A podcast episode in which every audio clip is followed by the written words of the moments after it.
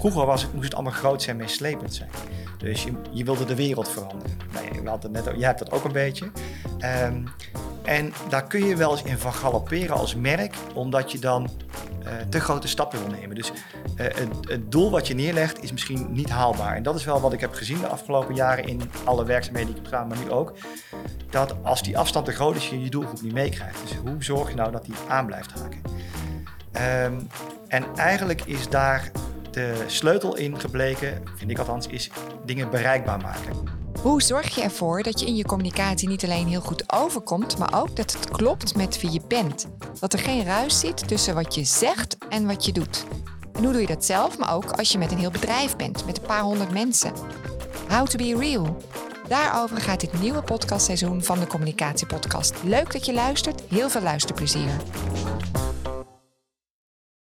Welkom mensen, wat leuk dat je luistert naar een nieuwe aflevering van de Communicatiepodcast. Uh, ik heb een gesprek met Ivar Schutte, uh, algemeen directeur bij de Stichting Nationale Bioscoopbon. En hiervoor had hij verschillende marketingfuncties, onder andere bij ASM Bank en bij de Hartstichting. Welkom Ivar, wat tof dat je hier bent. Dank voor de uitnodiging. Heel erg leuk. We gaan het hebben over het opbouwen en op koers houden van je merk. Jij bent echt een marketingman, mag ik wel zeggen, denk ik. Hè? En toch nu op zo'n directiefunctie bij de Nationale Bioscoopbond. En daarvoor eigenlijk wel wat uiteenlopende merken. Dat viel me een beetje zo op in de mhm. voorbereiding. Dus voordat we in het marketingvak uh, stappen en hoe bouw je nou zo'n brand op, eerst even naar jou persoonlijk. Ehm, is dat bewust? Ja, ja, ja? goede vraag. Ja, het is heel bewust geweest. Ehm, ik heb ehm, netjes mijn school afgerond, ogen gedaan, zoals iedereen, uh, in de marketing. En ik vond dat als je een goede marketeer wilde worden, eerst moest begrijpen wat sales inhield. Dus ik heb uh, een aantal jaren sales gedaan om dat te begrijpen. Ja. En toen de marketingvak ingerold en eigenlijk heel netjes het pad gevolgd. Ik heb gewerkt bij Sony Ericsson. En um, toen ben ik overgestapt naar KPN. En daar heb ik gewerkt voor het jongerenmerk High. Dat was toen echt de place to be. Dat was helemaal ja. tof. Dat was een één grote speeltuin. En ik heb daar vijf jaar gewerkt bij High en KPN en het was een soort universiteit voor me. Je leert daar enorm veel. Uh, maar wat ik ook geleerd heb, is dat uh, ze daar redelijk in kolommen werken. Waardoor je verantwoordelijk wordt voor één onderdeel. In dit geval was het marketing uh, in mijn geval. En je wel iets meekrijgt van het veld om je heen op het gebied van communicatie en strategie. Maar dan nooit echt mee in aanraking komt. Dat vond ik wel jammer. Um, ik heb daar het, het standaard proces doorlopen in verschillende klasjes en, en potential programma's en noem maar, op. En uh, ik vond het wel heel erg intern gericht. Dus je was heel erg bezig met hoe ontwikkel ik mezelf, hoe binnen het bedrijf mijn positie, hoe zorg ik dat ik snel de managementfunctie krijg en hoe groot wordt mijn team. En dan ook nog binnen die kolom marketing, marketing, wat op zich leuk was, maar voor mij een beetje beklemmend. En uh, zoals het bij veel mensen gebeurt, moet er dan een soort life-changing event komen. Ik heb een uh, vrij pittig ongeval gehad. Uh, waardoor ik eventjes vol op de rem kwam. En dacht, ja, maar wat wil ik hier nou mee? Is dit nou wat ik wil? Dus toen ik vrij snel weer aan het werk ging, eigenlijk te snel. En het om me heen zag razen, dacht ik, ja, maar dit is niet, dit is niet waar ik naartoe wil. Uh, ik wil iets anders doen. En toen heb ik heel bewust gekozen om een aantal jaren interim te gaan werken. Oh, echt? Uh, ja, ja, dat heb ik, was echt voor mezelf een periode, had ik me voorgenomen van vijf tot zes jaar.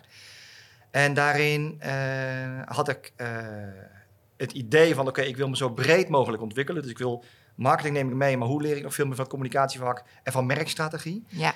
Uh, twee afspraken met mezelf. Het wordt uh, een periode die afgebakend is, vijf, zes jaar. En daarna ga ik dat commercialiseren in of een eigen bedrijf ergens instappen. Of ik neem een leidinggevende functie, althans neem ik, dat hoop ik te krijgen, een ja. leidinggevende functie bij een middelgroot bedrijf. En wat ik het allerbelangrijkste vond is, um, wat ik wilde doen is trap niet in de valkuil om te doen wat je al deed. Dus een hele harde afspraak met mezelf om mijn opdrachten iedere keer in een andere branche te doen. En anders dan die ik gewend was. Um, en dat heb ik gedaan. Ik heb in de consumer electronics gezeten. Daarna ben ik uh, naar een groot energiebedrijf geweest. Uh, ik heb bij de marktleider in de bioscoopwereld gewerkt, bij Pathé. Um, zo kwam ik terecht bij de ASN-bank en uiteindelijk de Hartstichting. En dus echt vijf heel uiteenlopende branches. Ja. Um, maar wel altijd één gemeenschappelijke deler voor mij. En dat was dat ze allemaal kampten met een uh, positioneringsvraagstuk. Waar staan we? Waar willen we heen? Hebben we nog contact met onze doelgroep? Hoe vinden we dat terug? Ja. Nou ja, en die periode eh, heb ik afgerond en dat was net rond de COVID-tijd. En toen kwam deze kans voorbij. Dus Mooi. missie geslaagd, zeg maar. Missie geslaagd, ja. Beetje geluk ook, maar eh, wel Maar jij op hebt dus ook plan. echt wel een beetje zo interne communicatie met jezelf. Tenminste, dat vertel je nu. Ja. Oké, dit voor mezelf afgesproken, afgebakende periode. Ben jij doelgericht? Ja, best wel, ja. Ja, Ja, dat gevoel ja, krijg ik, ja. Ja, ja, ja. Ja, Ja, vind ik belangrijk. en ehm, ook, ehm, ik hou heel erg van eh, uitdagingen. Dus de dingen moeten nieuw zijn voor me. Ja. Eh, er moet een soort gezonde spanning in zitten. Laat mij niet op je winkel passen, dat wordt hem niet. Maar laat me dingen ontwikkelen. ja. En daarom, ik heb... eh, Ik weet nog dat ik bij de ASN-bank naar binnen kwam en dacht... oké, dan ga ik hier dus de merkstrategie herijken. Hmm, alright. Hoe? We zien het wel. ja. Dus eh, er zat altijd, het schuurde ergens van, oké, spannend. En dat maakt je scherp, vind ik. ja dat daar ga je echt aan. Ja, daar ga ik op Ja, aan, dat herken ik ook wel heel erg. Tof hoor. Ja. Eh, thema van de podcast is How to be real. ja. Ehm, hoe doe je dat? Misschien gewoon echt wel bij waar je nu zit, de Nationale Bioscoopbon. Schuurt het daar eigenlijk ook? Of is dat gewoon zoals het gaat? En hoe bedoel je dat? Eh, nou ja, ehm, ik kan me voorstellen dat je bij ASN echt aan het kijken bent van... oké, financiële sector, hoe gaan we dat doen? Willen we een duurzame bank zijn? Hoe is dat bij de Nationale Bioscoopbond? Heb je daar ook dat soort ehm, vraagstukken? Of, of is er heel wat anders?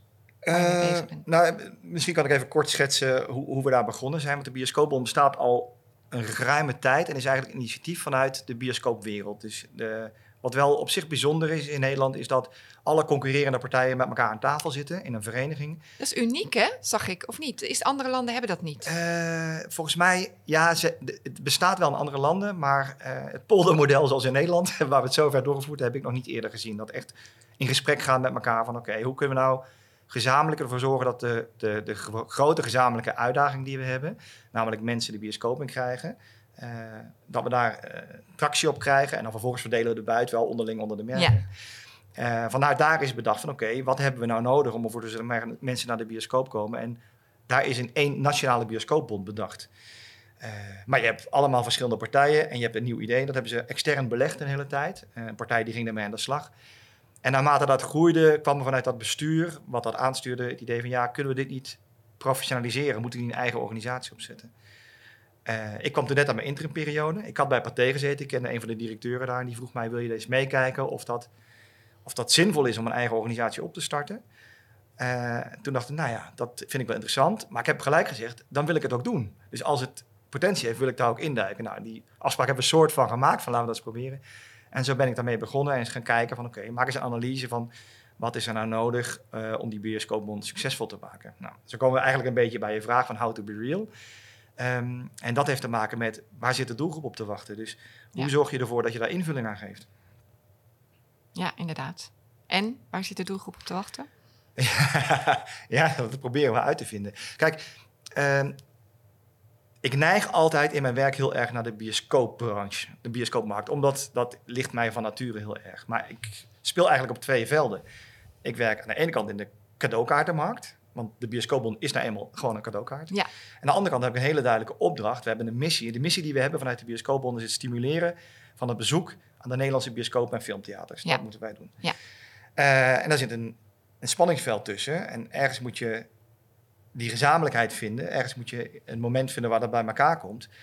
En, en gaan kijken, ehm, ja, waar zitten mensen op te wachten? Nou, enerzijds in de bioscoopwereld, omdat ik al die kennis meenam daaruit, was dat vrij eenvoudig. Je gaat onderzoeken doen en wat je ziet is dat een belangrijk inzicht voor ons was dat...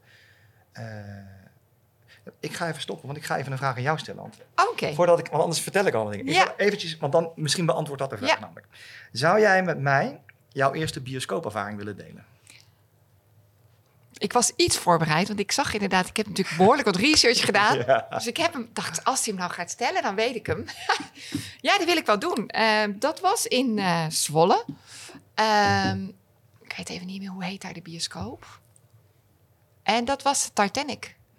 En dat was ik met mijn eerste vriendje, wat nu nog mijn man is. En wij eh, komen uit een heel beschermd milieu, Overijssel, Zwolle, Kampen. Ehm, dus wij mochten eigenlijk niet naar de bioscoop. En eh, dat deden we toen. Geweldig, ja. Ja, Ja. eh, geweldig. Heel leuk. Ja, precies. Nou, Ik Eh, weet niet of dit het antwoord is wat je nou zoekt. ja, elk antwoord is goed. En, maar ik krijg altijd een beetje dezelfde antwoorden. En je ziet ook wat er gebeurt met mensen als je deze vraag stelt. Want mensen gaan even nadenken. En dan leven ze een beetje op en er zit altijd een verhaal aan vast. Ja. En of Ja. het nou was dat je met je ouders naar de Lion King ging, of in jouw geval heel mooi met je vriendje daarheen ging, die later je man is geworden. Dus Ja. er zit altijd een verhaal omheen. En dat, Ja. Daar zijn we heel erg diep op ingegaan van wat, wat maakt nou een bioscoopbezoek een bioscoopbezoek? En dat is Ja. veel meer dan alleen de content, alleen de film. Ja. Het is alles eromheen. Ehm een mooi inzicht was dat alles op dit moment heel erg eh, direct is. Dus als jij nu denkt van, eh, je ziet iets wat ik heb en denkt dat wil ik ook, dan bestel je dat dadelijk op je, op je iPad of je telefoon en dan verwacht je dat je dat morgen hebt. Ja. Maar je merkt dat er nog steeds behoefte is van mensen om zich ergens op te verheugen. En waar kun je nou nog echt op verheugen in deze tijd? Nou, een bioscoopbezoek is iets waar je je op kan verheugen, waar je naar uit kan kijken. Dat Ja. kan zijn omdat je een specifieke film wil, zijn, wil zien. Maar dat kan ook zijn omdat je denkt, nou, ik vind dat zo'n leuke eh, jongen of zo'n leuke meid. Ik wil daarmee op date. Eh, dat is het moment, zeg maar. Ja. Zo, zo ben ik ook Ja. ooit eens naar de bioscoop gegaan. Ik weet dat nog heel goed, dat ik daar met mijn huidige vrouw zat. En dat ik, oeh, een heel spannend moment, zeg maar. Ehm, dus dat verheugen daarop, dat is heel belangrijk. Maar er zit zoveel meer omheen. Het is er naartoe leven. Eh, misschien ga je van tevoren wat eten. Misschien ga je daarna wat drinken en napraten. Dat hebben we heel erg proberen te vangen in onze, in onze aanpak. Van dat de bioscoop veel meer is dan alleen die film. Ja. En aan de andere kant heb je de cadeaukaarten. En dat is helemaal een grote uitdaging. Want eh, het is een enorme grote branche. Het is echt enorm gefragmenteerd ook. Er zitten heel veel partijen in. Maar we hebben het over meer dan een miljard omzet per jaar in de, in de, in de cadeaukaarten. cadeaukaarten. Ja, in de cadeaukaartenmarkt. En hoe ga je daarin onderscheiden? Ja, want, je, want, want kan je me uitleggen, want wat is dan precies de spanning? Want je wilt gewoon die mensen een unieke beleving geven en dat doe je door middel van een kaart. Ja, nou probeer dat maar eens op een plastic kaart te doen. Ja. Ja, en hoe zorg je ervoor dat ze echt voor die bioscoopkaart kiezen? Nee, dat was Dat de grote het. uitdaging waar we voor Ja. stonden. In dat enorme speelveld van kaarten die zijn, die allemaal roepen, kies mij, kies mij, kies mij. Daar hebben we daar wel één voordeeltje in. En dat is namelijk dat ons concept, één bon waarmee je, waarmee je naar alle bioscopen en filmtheaters in Nederland kan, is uniek. In Ja. Nederland, maar ook daarbuiten. Voor zover ik weet, alleen Zwitserland heeft zo'n systeem waar je dat hebt, maar verder nergens. Dus dat geeft ons wel enigszins een klein beetje een monopoliepositie, Ja. wat het wel makkelijk maakt. En omdat onze naamsbekendheid mega hoog is, erg groot, voor mij 95%, is dat wel lekker. Dus mensen Ja. kiezen vaak dat. Alleen het probleem met een probleem, een bioscoop of een, eh, een cadeaukaart is eigenlijk wat wij noemen een envelopje plus. Je wil net geen geld geven, Ja. Dus dan geef je een cadeaukaart. Maar wat wij willen is dat je die cadeaukaart, en wij niet alleen, want dat hebben we uit onderzoek geleerd, dat mensen dat persoonlijk willen maken. En wat doe je dan vaak? Nou, misschien herken je het wel. Dan koop je een VVV-bon of je koopt een bol.com-bon en dan doe je nog even wat bij. Een flesje wijn of een kaartje om persoonlijk te maken. Nou, dat inzicht hebben we gepakt. En dat inzicht van wat maakt nou een bioscoopavond een bioscoopavond, dat hebben we bij elkaar gebracht en nagedacht, oké, hoe kunnen we dat nou vormen, eh, in, in een vorm gieten, waarbij je het en persoonlijk kan maken en kan zeggen, ja, ik heb echt nagedacht over een cadeau, ik begrijp jou, ik heb er aandacht in gestopt. En dat het een cadeau is dat waarde heeft voor Ja. iemand, van ja, hier wil ik iets mee gaan doen. Ja, Nou, dat ja is, eh, tof. En dat is- eh, nu, dat is, want dat hebben jullie volgens mij vorig jaar gelanceerd. Ja. En dat is de bonvolle bon. ja, Bon, de bon vol verrassingen. bonvol verrassing. Bon vol Oh, zeg ik hem ja, toch ja, niet goed. Ja. Ja. En hoe is die geland? Ja, die is wel heel goed geland. Daar ben ik wel super blij om. Ja. Ja. Dus hiervoor hadden we, ehm, heeft voor mij jaren het concept eh, het eh, leukste cadeau in het donker eh, Ja. gedraaid. Dat kent iedereen wel. Ehm supergoed concept, heeft heel erg goed gewerkt voor ons. Alleen wel heel erg vanuit het product gedacht. Ja. Dus we hebben een bioscoopkaart en dat vinden wij het leukste cadeau in het donker. Dus geef die maar. En ik vind het belangrijk om veel meer vanuit een klantbehoefte te denken. Dus waar zitten mensen op te wachten? En dat is aan de ene kant is dat persoonlijk maken en aangeven, ik heb hierover nagedacht. En het leuk, geven, eh, leuk vinden om te maken en te geven. En aan de andere kant op het leuk vinden om, om te krijgen. Zeg. maar. Ja. Ja, en daar zit toch ook een soort van tool in? Er zit van alles in, toch? Ja, In die, ja. eh, kan je hem iets omschrijven voor mensen die het echt geen idee hebben? ja, nou, ik zou sowieso iedereen willen uitnodigen om eens te gaan Ja. kijken en daar feedback op te geven. Ehm, wat we hebben gedaan, want het concept was bonvol. Eh, dus eigenlijk wat we zeggen, we willen dat je daar zoveel op kan stoppen als je zelf wil, om die kaart heel erg persoonlijk te maken, kleur te geven, ook voor degene aan wie je hem geeft, maar ook het moment waarop je het geeft. Dus dat je, eh, kijk, de, de markt van cadeaukaarten zit vrij traditioneel op een aantal grote geefmomenten. Vaderdag, Moederdag, Valentijn zit erin, Back Ja. to School, Sinterklaas en Kerst, dat is het. Ja, examen misschien, ja. Ja. Ja, terwijl Ja. wij een heel laagdrempelig cadeau hebben. Het is heel betaalbaar nog. Hè. Je kan vanaf 5 euro opladen tot 150 euro. Maar voor een goede 10 euro kun je al naar die bioscoop gaan. Ehm, ik ben even, ik pak hem even terug. Dus ehm, daar hebben we over nagedacht van, ja, wat, wat betekent nou bonvol? En bonvol is bijna heel veel opstoppen, een beetje proppen, zeg maar. Ja. Vanuit dat idee hebben we gewerkt aan een concept waarbij je uh, begint met een blanco sheet online. Je vult iemands naam in. En vervolgens kun je daar allemaal een thema aan koppelen. En vervolgens kun je daar allemaal gifjes, stickertjes, tekstjes en video's aan toevoegen. En dat propt zich als het ware steeds voller. Dus je begint met, we noemen dat blobjes. Je begint met één blob, dat is de naam. En dan doet de tweede blob zich erin en de derde. En zo bouw je die bon helemaal op. En al die blobjes, omdat het online is, kun je aanklikken en draaien zich om. En erachter staat dan of een boodschap of een, een, een, een videootje of iets anders, zeg maar. Um, en op het moment dat je die bon naar iemand stuurt, ontvouwt die zich ook op, dat, op die manier. Dus het begint heel simpel met van, uh, uh, lieve Karine in jouw geval, als ik hem jou stuur. En dan, uh, deze bon is speciaal voor jou. En ik zou het tof vinden om jou naar, of ik zou je naar deze film willen sturen of naar dit theater willen sturen. En je kan er van alles aan toevoegen. Nou, ik noemde net het voorbeeld van, stel, laat ik één voorbeeld nemen om het goed te visualiseren. Stel je kent iemand die je heel erg leuk vindt. Dan kun je die bon zo vormgeven in kleur en in vorm dat dat die bedoeling ook duidelijk wordt in het geven. Dus je kan erbij zetten in een stickertje, het is een date. En je kan bijvoegen, joh, ik haal je op en ik breng je thuis. Ja. Uh, en ik uh, boeken een love seat in, in, de, in de bioscoop, zeg maar. Uh, en je kan dan ook zeggen, ik ga met je mee. In dit geval bij een date is het heel duidelijk, maar ook op andere manieren. Ja. je zou bijvoorbeeld ook kunnen zeggen voor kerstverse ouders, jullie gaan samen naar de bioscoop. En ik ben vanavond de oppas. Dus op die manier kun je die bon veel relevanter maken en persoonlijker. Ja, heel tof. Maar je gaat dus ook echt zitten op waar zit iemand in het moment dat hij die bon gaat, uh, wil gaan geven. En hoe, hoe kan hij het echt soort van inpassen in zijn eigen plan of zo. Hè? Ja. En zijn eigen ervaring. En dat dan heel erg. Uh, ja, en dat los van de traditionele momenten. Dus uh, we willen ook mensen uitdagen om uh, iemand zoiets te sturen een keer om hem te steunen als je een moeilijke tijd hebt gehad. Van joh, pak even wat tijd voor jezelf. Ja. Of als je tijd voor jezelf nodig hebt als je net ouders bent geworden. Ja. Of voor een date. Of je kan het aan je schoonouders geven. Want dat is ook iets wat we willen. Uh, traditioneel werd deze bon nog heel veel gegeven door wat oudere mensen aan jongere mensen. Of uh, jongeren aan elkaar. Dus moet je voorstellen, je geeft het aan je zoon. of je geeft, de zoon geeft het aan een vriendje op een verjaardag. Dat was een beetje route. Maar wij willen die bon zo ontwikkelen dat um, uh, het eigenlijk alle kanten op kan. Ja. Dat jij het aan je uh, directe vrienden kan geven, of aan kinderen, of aan ouders. Zeg maar. Ja. Dus, daar moet die bon wel geschikt voor en, en welke gedachte zit daar dan achter? Zit daar dan ook een stukje dat gevoel van, oké, okay, verantwoordelijk voelen voor de maatschappij? Of zeg je, oh nee, maar dat zijn we helemaal niet mee bezig? Dat stuk van, uh, oké, okay, hoe kan je misschien eenzaamheid tegengaan of mensen met elkaar weer in verbinding brengen? Daar ja. zitten wel kansen. ja, ja, zeker. Dus um, van de ene kant is dat we, creëren nu voor het eerst een bon waarmee je samen iets kan gaan doen. Dus dat, dat zit er wel in. Um, maar het, kan ook zijn om iemand erop uit te sturen. Maar het, het zit wel vooral op. Nou, van de ene kant um, kun je dus in die bon nu aangeven dat je blijk geeft van uh, waardering of van begrip voor iemands situatie. Dat je daar, daarmee kan doen. Maar van de andere kant is het natuurlijk ook gewoon fun. Hè? Ja. Uiteindelijk ga je naar de bioscoop en ga je iets leuks doen. Ja. En uh, ik denk dat dat, want dat is wel een goede vraag. Ik heb erover nagedacht. Hè? Want we hadden het daar eerder over van, uh, oké, okay, je hebt bij een aantal merken gewerkt die vrij veel impact hebben gehad. Dus een, een ASN-bank die heel erg bezig is met hoe verbeteren we nou de wereld. En uh, een hartstichting met hoe leef je nou gezonder. Ja, hoe draag je nou als een bioscoop dan daarin bij. En, um, dat, wat ik daar interessant in vind is dat uh, voor mij, vroeger was het, moest het allemaal groot zijn, meeslepend zijn. Dus je, je wilde de wereld veranderen. Nee, we hadden net, jij hebt dat ook een beetje. Um, en daar kun je wel eens in van galopperen als merk, omdat je dan uh, te grote stappen wil nemen. Dus ja. uh, het, het, doel wat je neerlegt is misschien niet haalbaar. En dat is wel wat ik heb gezien de afgelopen jaren in alle werkzaamheden die ik heb gedaan, maar nu ook. Dat als die afstand te groot is, je je doelgroep niet meekrijgt. Dus hoe zorg je nou dat die aan blijft haken? Um, en eigenlijk is daar de sleutel in gebleken, vind ik althans, is dingen bereikbaar maken. Dus als ik het even terugpak naar de ASN-bank. Uh, daar hadden we een uitdaging, namelijk dat er was een groep mensen, en dat noemden ze daar de donkergroene, die zo betrokken waren bij het milieu, dat ze bijna zeggen, hier heb je mijn geld, doe er goeds mee en het maakt me niet uit, ik hoef geen rente. Maar die groep is niet zo groot in Nederland. Nee. Dus je wil ook een grotere groep mensen daarbij hebben. Dat noemen ze dan de lichtgroene. Dus hoe beweeg je die?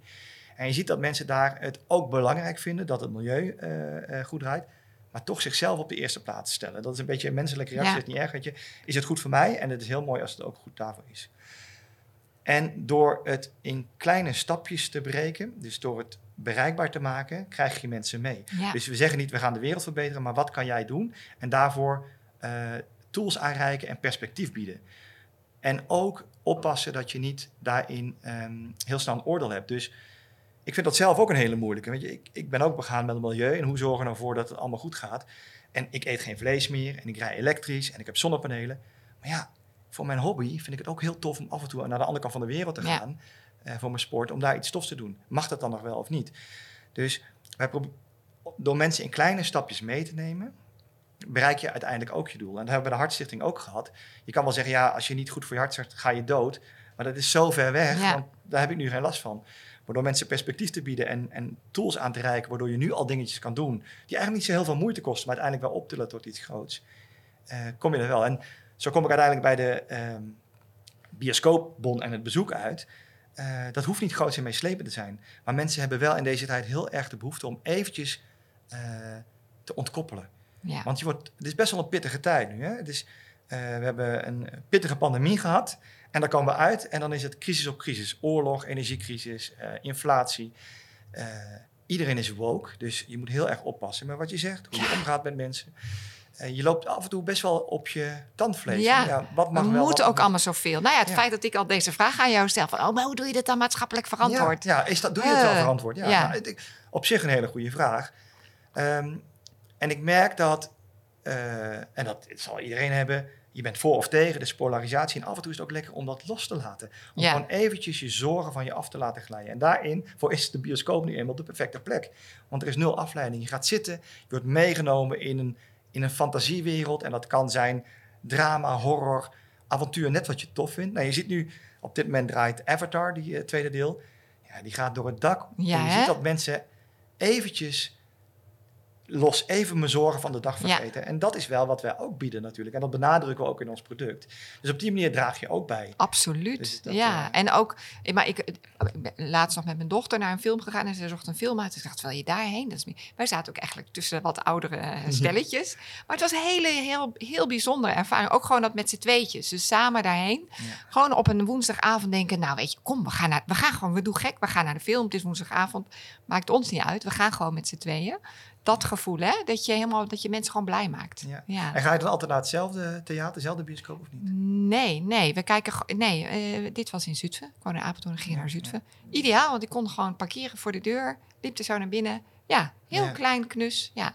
Gaan ook wel eens naar een wat kleiner filmhuis in Deventer. Of gewoon bij ons in Apeldoorn. Ja, Nou ja, precies. Maar die, dat vind ik ook wel mooi. Dat het, eh, het palet, de keuze aan bioscoop en filmtheaters in Nederland is enorm. Er is Ja. de afgelopen jaren gigantisch geïnvesteerd.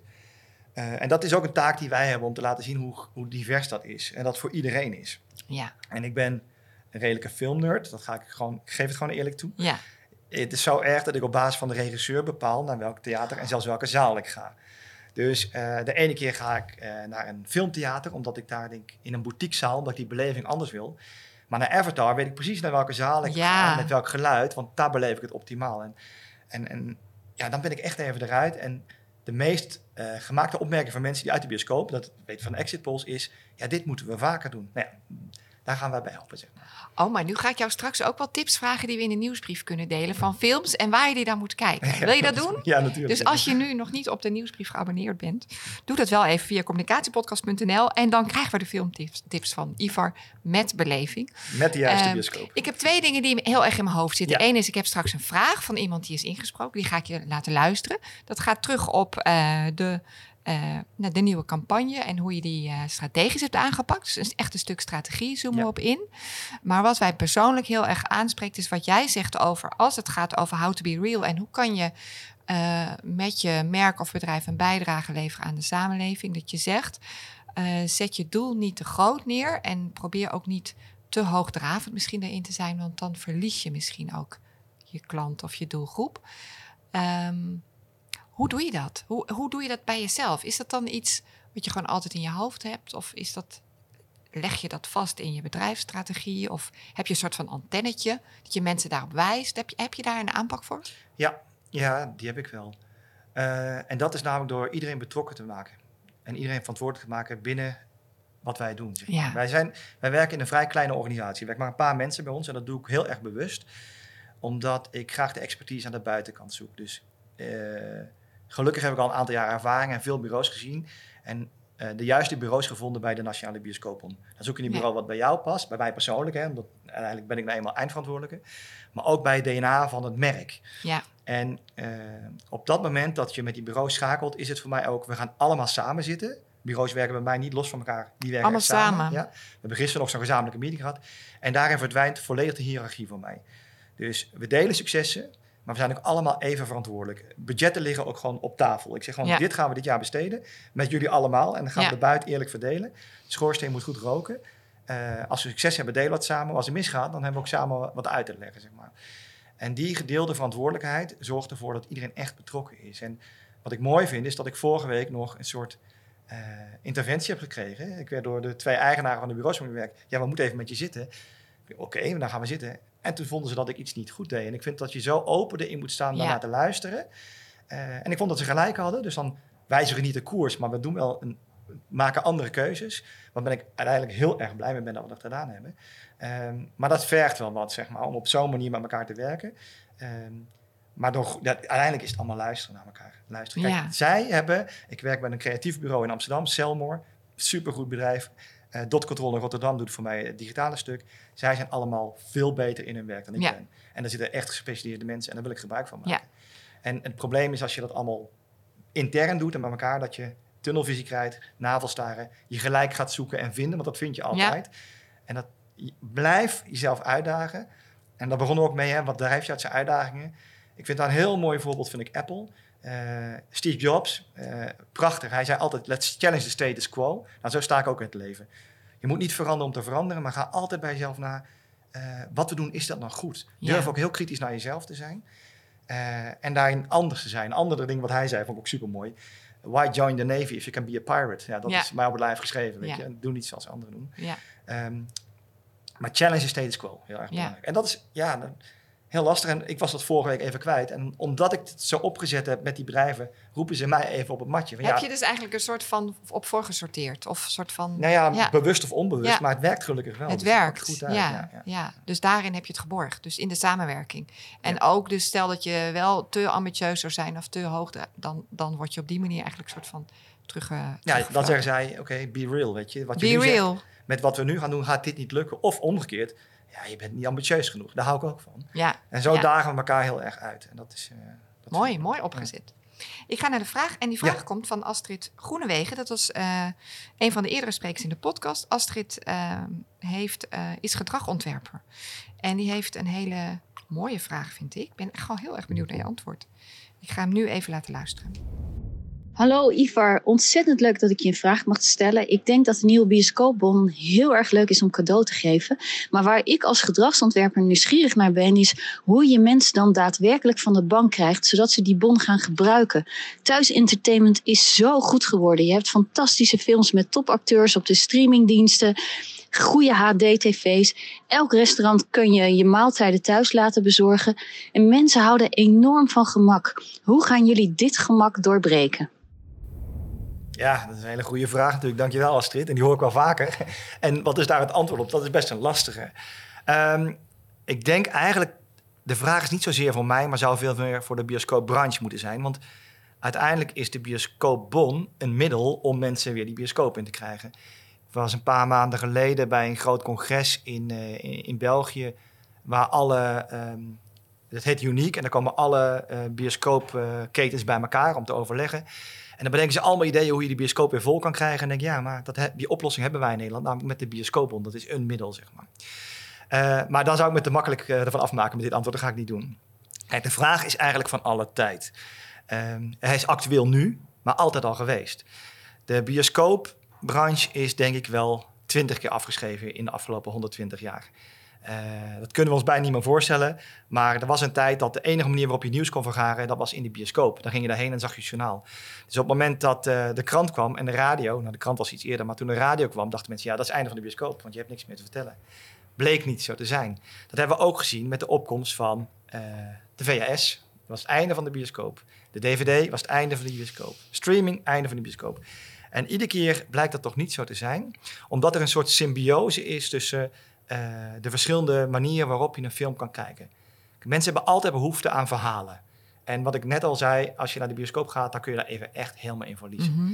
Eh, en dat kan op andere vormen niet. Eh, ik durf het bijna wel te zeggen dat als jij thuis een film kijkt, dat het vaak gebeurt dat je hem even op pauze zet, dat je onderbroken wordt door een appje, misschien je kinderen. Je beleeft hem niet zoals je wil beleven. Dat is niet erg, Maar als je een bepaalde film heel graag wil zien, dan wil je dat toch anders beleven. En dat is wat we heel erg merken, dat er voor uh, bepaalde content, noemen we dat, bepaalde films, mensen echt naar de bioscoop gaan. Ja. Uh, en voor anderen kijken ze thuis. Dat is helemaal niet echt. Dat kan prima met elkaar samenwerken. En uh, ja, toen de streamers kwamen, was iedereen wel even, hoe, waar gaat dit uitpakken? en in coronatijd was het extra zwaar, want in de bioscoopbranche werken we met een window. En een window is de tijd tussen release in de bioscoop en het moment dat die op een andere manier beschikbaar is. Of dat het DVD is of op streamer. En die window is traditioneel iets van een maand of drie, vier. En die staat al jaren onder druk. En met de pandemie was die window verdwenen. Want het was day and date, noemen we dat. Op hetzelfde moment kon je ook de film thuis kijken. Ehm, en nu zie je dat toch weer anders worden. Dat er toch behoefte is om uh, kwaliteitsfilms eerst in de bioscoop te laten zien. En het heeft elkaar ook versterkt, want uh, Netflix, wat eerst alleen maar een aanbieder van content was, gaat dat nu zelf maken. Amazon hetzelfde.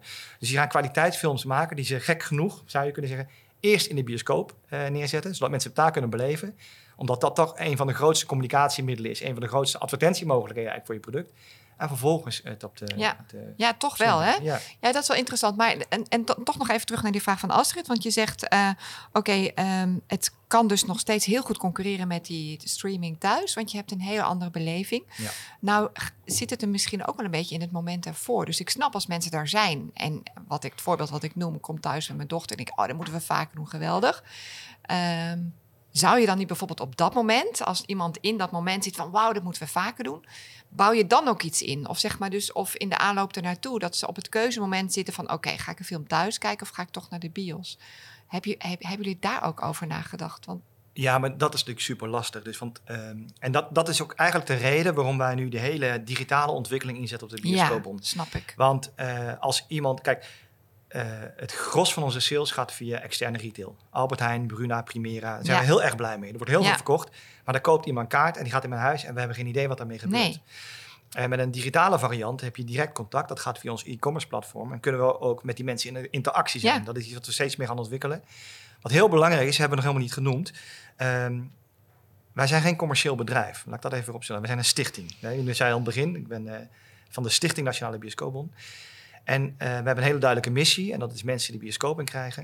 En daar doen we alles aan. Wat wij willen is dat elke euro die op een bon geladen wordt, ook ingeleverd wordt. We noemen dat opwaarderen, afwaarderen. Dus als iemand 25 euro op die bon zet en die geeft dat aan jou, zou ik het liefst willen dat je die 25 euro besteedt. Want dat betekent ja. samen een keer naar de bioscoop of dat jij twee keer gaat. En dat is waar we naartoe wilden. Zeg. Ja. Um, dus voor ons is het heel belangrijk dat het ingeleverd wordt. En door dat um, online te doen, kunnen we dat contact houden met die mensen. En dat kan dus niet aan die, aan die kant. Dus ja. dat is wel de uitdaging. Want hetzelfde gaat voor de bioscoop. Als je dat bent, dan hebben we weer contact met je. Maar als je weer weg bent, niet. Dus dat is een. Ja, het antwoord hebben we niet. Die zijn we altijd aan het zoeken. Dus wij zorgen dat die beleving daar optimaal wordt. Dat het bij je blijft hangen. In communicatie. En dat kan zijn uh, in, uh, in, in reclames of in trailers die gedraaid worden over nieuwe films. Iedere keer vertellen waarom je naar de bioscoop moet gaan ja, het is natuurlijk heel lastig en dat geldt met alle communicatie. Op het juiste moment die boodschap overbrengen. Ja. Dat, is, dat, dat is het puzzeltje, hè? Dat nee, is, is gewoon niet. Lastig, ja, ja, maar ik kan wel voorstellen dat het, on, dat het online heel erg kan helpen daarbij. Dus dat je bij de mensen meer bent. Ja, nee, dat klopt. Dat willen wij ook de komende jaren nog verder uitbouwen. We willen graag als product, als merk heel sympathiek gezien worden. Dat mensen zeggen, hé, hey, zij zijn er echt, die willen echt dat ik naar de bioscoop ga. En het gaat niet om dat dat geld nooit uitgegeven wordt, want daar hebben wij niks aan. Dat gebeurt nee. voor ons in die bioscopen. Ja. Uh, en daar dromen we ook over. Wat zou ja. dat kunnen zijn? En ik zou bijvoorbeeld. Wat ik niet zou willen is dat jij in de bioscoop gaat zitten en een commercial van ons ziet. En denkt: oh ja, de bioscoopbon, ah, die hebben nog thuis liggen en ik heb weer betaald vandaag. Dat wil ik niet. Ik zou het tof vinden dat op een of andere manier, en de ontwikkelingen gaan zo snel, dat je uh, misschien wel als je de bioscoop inloopt, een uh, reminder krijgt van: joh, je hebt nog een bon, zet die even in. Ja. Dat die gebruikt gaat worden. Ja, dat. Ja, dat is mooi als je daar naartoe ja, kan werken. Dat is natuurlijk allemaal heel privacygevoelig, maar wij zijn er echt mee bezig om mensen te stimuleren. En door dat online te doen, hebben ja. we meer contacten, zou dat meer kunnen gaan doen. Ja, geloof ik absoluut. Laatste vraag uh, vanuit mij en dan gaan we naar de afsluitende vraag. Um, heb je ook een communicatiestrategie na, vanuit je brand? Of is er een communicatieafdeling bij jullie? Of doe je dat zelf? Hoe is dat eigenlijk? Uh, nee, dat, uh, dat doen we niet zelf. Dat besteden we ook allemaal uit ja. onze bureaus. en daar wordt een strategie op gebouwd. En uh, dat vind ik best wel lastig. Want um, daar daag ik ook de mensen in uit van hoe kunnen we daar nu verrassend in zijn. Ja. Ik werk vaak met, uh, met mediabureaus en wat je dan toch wel krijgt is dat op basis van uh, die strategie wat wil ik bereiken, dat er vrij standaard wordt ingekocht uh, en dat je dan ook standaard resultaten krijgt. Ja. We zijn nu heel erg bezig met hoe we dat via ons digitale bureau always on kunnen doen. Dus dat je constant in contact bent, kan sturen en de juiste momenten kan vinden om mensen te bereiken. Want, ja. ja, het is uh, van de ene kant is het iets waar je op verheugt, maar aan de andere kant kan het ook heel erg impuls zijn. Van ja, vanavond willen we naar de bioscoop. Ja. Dat, is een, dat is een hele moeilijke puzzel waar we mee bezig zijn. Maar wel omdat dat niet is, iets is wat we inkopen en dan wegzetten, maar on, always on, altijd mee bezig zijn om te kijken wat zijn de reacties Ja. erop, proberen we dan wel op te sturen. Ja, dat, volgens mij is dat ook de manier. Maar een super grote uitdaging. Heel grote uitdaging, Ja. maar volgens mij al echt heel tof wat jullie doen. Ik kom bij de vraag met het lijstje. Ja, Eh, als je dit, deze podcast vaker luistert, dan weet je hem eigenlijk al. Dus ik ga het niet helemaal meer uit en treuren uitleggen wat dat lijstje precies is. Waar het om gaat is, ehm, wat vind jij zo belangrijk dat je bij wijze van spreken in je boardroom of in je directiekamer zou ophangen in een lijstje, een, een quote of een foto waarvan je denkt, ja, dit is eigenlijk waar ik alles voor doe. Dit is een soort van het eikpunt. ja. ja, daar heb ik even goed over nagedacht. Dat is een leuke vraag. En je verzandt al, al vrij snel in standaard dingen. Hè, hm, wat moeten nou? Ik zou een foto ophangen van eh, Winston Churchill daarin. Ja, en waarom? Ehm, er wordt vaak gezegd dat de geschiedenis zich herhaalt. En dat is helaas ook waar. Dus eh, eh, eigenlijk, want het kwam voort uit je verhaal van Zelensky, hè, dat, die had ja, het gezegd. ja, ja, En eigenlijk wat Zelensky nu meemaakt, is wat Churchill in de jaren 40 heeft meegemaakt. Dus eh, je staat alleen tegenover een grote agressor. ja, En je hebt hulp nodig van anderen. Ehm, en dat vind ik ergens wel, wel tragisch. Het is een, een strijd tussen Oost en West op een vreemd grondgebied. En dat hebben we door de jaren altijd gezien. Dat, eh, dat is in eh, Vietnam gebeurd, in Korea, in Syrië, in Afghanistan en nu weer in Oekraïne. Het is wel tragisch dat, eh, dat, dat dat het zich herhaalt. ja. Ja, dat zich herhaalt. Dat is natuurlijk wel, wel heel erg. En daar is, een, er, is één, er is maar één oplossing. En daarom vind ik het zo leuk dat ik in deze podcast zit. Wat Churchill zei is... It takes courage to stand up and speak. But it also takes courage to sit down and listen. En daar zit volgens mij de sleutel. In het luisteren, in communicatie. Communicatie is de enige oplossing om eh, tot een oplossing in een conflict te komen. Dat weten we nu bij de Oekraïne ook. Zeggen, ze vechten net zo lang door tot er een moment komt waarop er met elkaar gepraat kan worden. En dan lossen we het op. Dat is eigenlijk wel, wel bijzonder. Eh, nou, we hebben het al over films gehad. Ik ben een super groot filmliefhebber. Ik heb ook verteld, soms zit ik wel eens in een andere podcast over films. En een van mijn favoriete films is ehm, Arrival van de eh, Canadese regisseur Denis Villeneuve. En die moet je maar eens kijken, dat is een tip. En daar is die boodschap ook dat het alleen op te lossen is met communicatie. Dit is super interessant, maar daar, geweld is niet de oplossing, maar het zit in communicatie. het En zit dat, in, dat wil ik dan meegeven. En dan, nou, in dit geval zal ik dan Churchill ophangen om daarbij na te denken. Ja, luister naar elkaar en Ja. kom tot een oplossing. Dus in communicatie is, vind ik dan luisteren ook nog het allerbelangrijkste. allerbelangrijkste. Tof. Dankjewel. En ik moet eerlijk zeggen, zo heb ik jou ook in de aanloop naar deze, dit interview ook leren kennen. Heel, heel prettig in je communicatie, heel toegankelijk, down to earth. Terwijl jij daar als directeur echt de lijnen uitzet en zo aan het bouwen bent met een eh, indrukwekkend merk. Ehm, dus heel veel dank dat je hierbij bij ons wilde zijn. Eh, we gaan naar je filmtips kijken straks. En heel benieuwd. En, ehm, en de, de film kijken, de Arrival. En als mensen jou willen volgen, dan vinden ze volgens mij jou op LinkedIn. Maar het is ook wel heel tof om even naar de bioscoopon.nl te gaan. Vinden ze daar dan ook eh, dat nieuwe concept en kunnen ze dat uitproberen? Waar Ja. vinden ze dat? Ja, dus eh, ik zou iedereen uit willen nodigen. En niet per se om het te kopen hoor, maar gewoon ga eens kijken, ontdek het eens. En eh, geef ook eerlijke feedback erop. Want daar had ik het net ook over. Tunnelvisie is natuurlijk iets waar je voor waken. Wij krijgen heel veel positieve reacties op het, eh, op het concept. En we hadden het voor de podcast over nominaties en Ja. prijzen al opgewonnen. Dat, eh, dat is heel erg tof. Eh, we zien ook dat de, de conversie, en dan ga ik toch een beetje in business termen vervallen. Maar ja, hele hoge conversie op hebben. Maar we willen daar nog veel beter in worden. Dus eerlijke, open feedback waardeer ik enorm. Dus als mensen daar gaan kijken en daar wat van vinden, let me know. Ik kan Let me know. Ja. En via een DM, op LinkedIn of zit daar... Ja, ja, natuurlijk, ja, ja, ja, we geen kunnen... Hartstikke goed. Ja, leuk. Eh Ivar Schutte op LinkedIn, nationalebioscoopon.nl. Om eens even te kijken wat er allemaal staat. En wil je alsjeblieft reviewen. Dankjewel voor het luisteren mensen. En jij bedankt voor het hele mooie interview. Dank eh, voor de uitnodiging. Leuk. Dankjewel voor het luisteren. Wil je nou meer inspiratie? Ga naar de communicatiepodcast.nl en schrijf je in voor de nieuwsbrief. En natuurlijk hoor ik ook heel graag wat je vond van deze aflevering. Laat heel graag een review achter op het platform waar je nu luistert. Tot de volgende keer.